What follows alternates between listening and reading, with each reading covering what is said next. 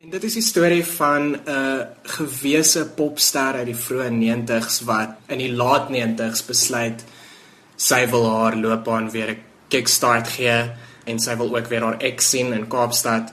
So die storie volg haar reis af van Johannesburg Kaapstad toe en haar persoonlike verandering deur daardie reis. Wat het jou geïnspireer om hierdie storie te skryf? Dit is 'n goeie vraag. Ek dink ek is tematies geïnteresseerd in mislukking. Ek voel soos of karakters wat misluk vir my meer interessant is as karakters wat suksesvol goeders bereik.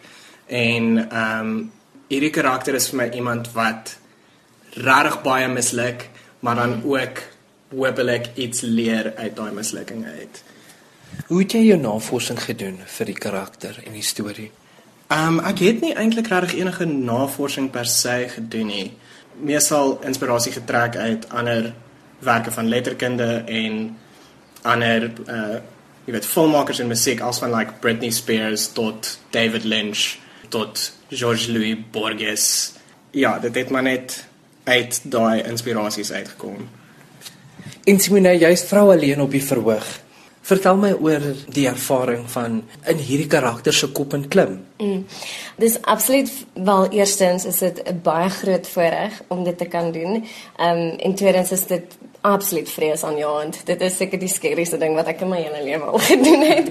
So, maar ek dink 'n deel daarvan om dit so te channel in die karakter in om te weet dat sy gaan weer op toer en sy moet weer sing na sy so groot mislukking gehad het. So, daai vrees, daai stage fright wat ek as Simone ervaar, ehm um, hulle sê altyd use it for the character en ek ek kan actually fisies dit reg vir Nina gebruik maar sy is ehm um, sy's so 'n beautiful karakter en sy's so vol rond en ehm um, daar's 'n naïwiteit en 'n ek weet die sterre in haar oë wat sy sien en dan daai bekendmaking met werklikheid wat wat regtig gebeur en die teleurstelling en hoe sy dit hanteer maar sy ja, sy's lieflik. Ek ek is die liefste vir haar van almal aan hierdie tafel, glo ek, want ek het so sag, 'n sagte plekkie nie, maar ek dink in ons samelewing, ek sê dit, ek het dit al 'n paar keer gesê dat ons hemelpopsterre op en ons sit hulle op hierdie trone en ons dis voorblaai ensovoorts en dan gebeur een ding en dan sit net soos die sensasie trein and we leave them there.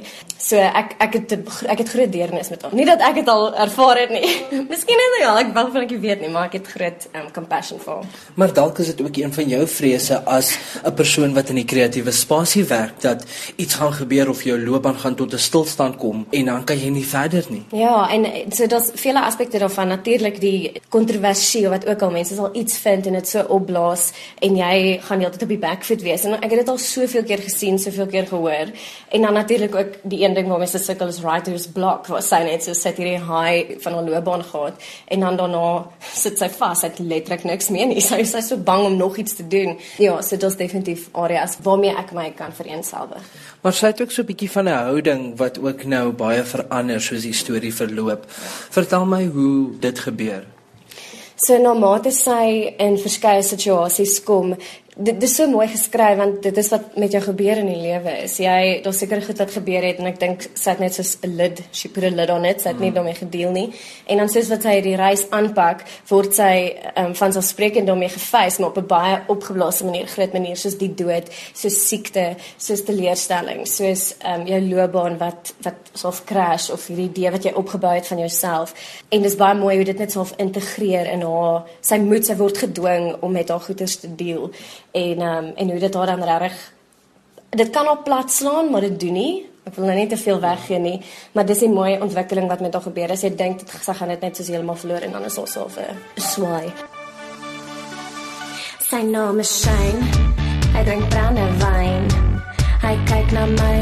Hy kyk na my. Ek voel gevlei. Die aand is jonk. Voel jy ook die vonk? Die musiek pomp my voete stomp. Hy DJ vir my weg van hier. Vir my weg. Vir my weg. Ja, ek smog geveg. Ek dink wat ek nogal sou van die karakter is dat sy kompenseer vir baie van haar emosionele probleme deur om baie like jaded en sarkasties te wees daaroor. Mm. So dit is ook waar hy baie van die humor in die in die stuk kom. In sy reis nou van Johannesburg Kaap toe. Hoe bring jy hierdie ander karakters in? Want ek bedoel jy is die enigste persoon om daai verhoog. Mm, mm. So, ehm um, ek vertolk al die ander karakters ook. So ek het dis maar impersonations wat gebeur. Ehm um, ander karakters wat ek fisies raak en ek vertolk hulle. So dis Dame Marion Hopwood en David Potgieter en Pieter Capaldi. Ehm um, en uh, sal ek blank die opsigter, die, die polisieman ehm um, vreemde vreemde karaktertjies. Ons het ook gelukkig ehm um, Ilana Silje gekry. Sy doen sy speel Angie die agent wat ons net uh oor die oor die uh, speaker speel. Ehm um, so dit is die enigste ander stem wat op die verhoog teenwoordig is. Dis vinnige switches. Dis ehm um, ek dink die grootste uitdaging van die teks my was aanvanklik was dit ook om hierdie ehm um, so smooth as moontlik te laat gebeur die die verskillende karakters die ja om hulle so al vinnig as moontlik aan te neem ehm um, en om hulle reg te maak jy kry jou twee tannies in Fushini wat vir Nina nader want sy's 'n bekende popster en dan kry jy die konstabel ensovoorts. So dit was nog 'n winnende deel van die produksie vir my. Watter karakter het die grootste impak op Nina en hoekom? So Pieter is het saam met Nina drama geswat op Stellenbosch 'n paar jaar gelede en hy het die ergste geskiedenis, die soos regtig diep pyn, hy het al sy uit alles verloor. Hy het soos Nina ook maar regtig harde pad gestap. En waar Nina baie van dit gecover het en net soos um, geovercompensated vir haar pyn, het Pieter dit geface en hy's deur baie goeters en hy het 'n besluit geneem om dit self te overcome. Mm. En as Nina daarmee dit sien en sy soos hierdie ou het ook deur al hierdie goeters gegaan, maar hy's positief en hy's so vriendelik en hy's net so dankbaar. Ek meen hy doen nie eers waarvoor hy so lief is nie, maar hy kan 'n deel daarvan doen.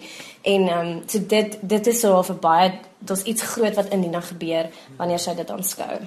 Maar daar's ook baie hoop in die storie sal ek aanneem want soos sy deur Suid-Afrika reis, tree sy ook op in die klein dorpies waar sy aankom. Ja, ongelukkig vir haar gaan haar shows nie verskriklik goed op die klein dorpies nie. Sy mis van hulle, daar's hecklers, dit ehm um, jy weet mense wat nie opdaag nie.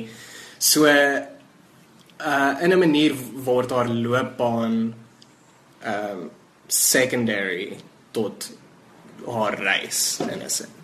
Terwyl jy alleen op die verhoog is, is dit seker baie moeilik om al hierdie ander elemente in te bring terwyl jy alleen al die karakters speel.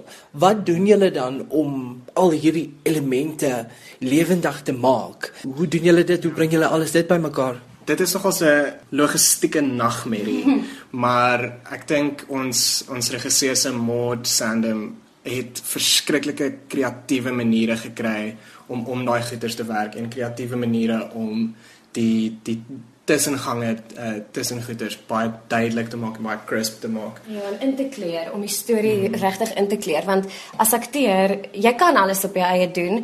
Ehm um, ek voel nie ek in elk geval, ek wil sê ek voel nie ek ek het dit in my om dit te kan doen nie, maar dis die die die teks het soveel potensiaal en daar's so baie goeters. So ons wil alles doen wat ons kan in ons vermoë om die, om die storie in te kleer vir die gehoor en um, en dis wat dit is definitief waar Maud en en Louis en Stefan 'n baie groot rol speel. Stefan is ons produksie ontwerper.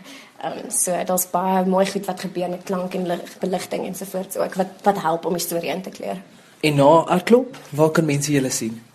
Ja, so ons open uh die 3de Oktober 10:00 die oggend by Art Club. Koop asseblief julle kaartjies. en na dit gaan ons ook woordfees toe. Ehm um, en ons gaan ons heel bes te probeer om ergens tussen Art Club en woordfees se show ergens in Gauteng in te werk. So ons sal we'll we'll keep you posted on that.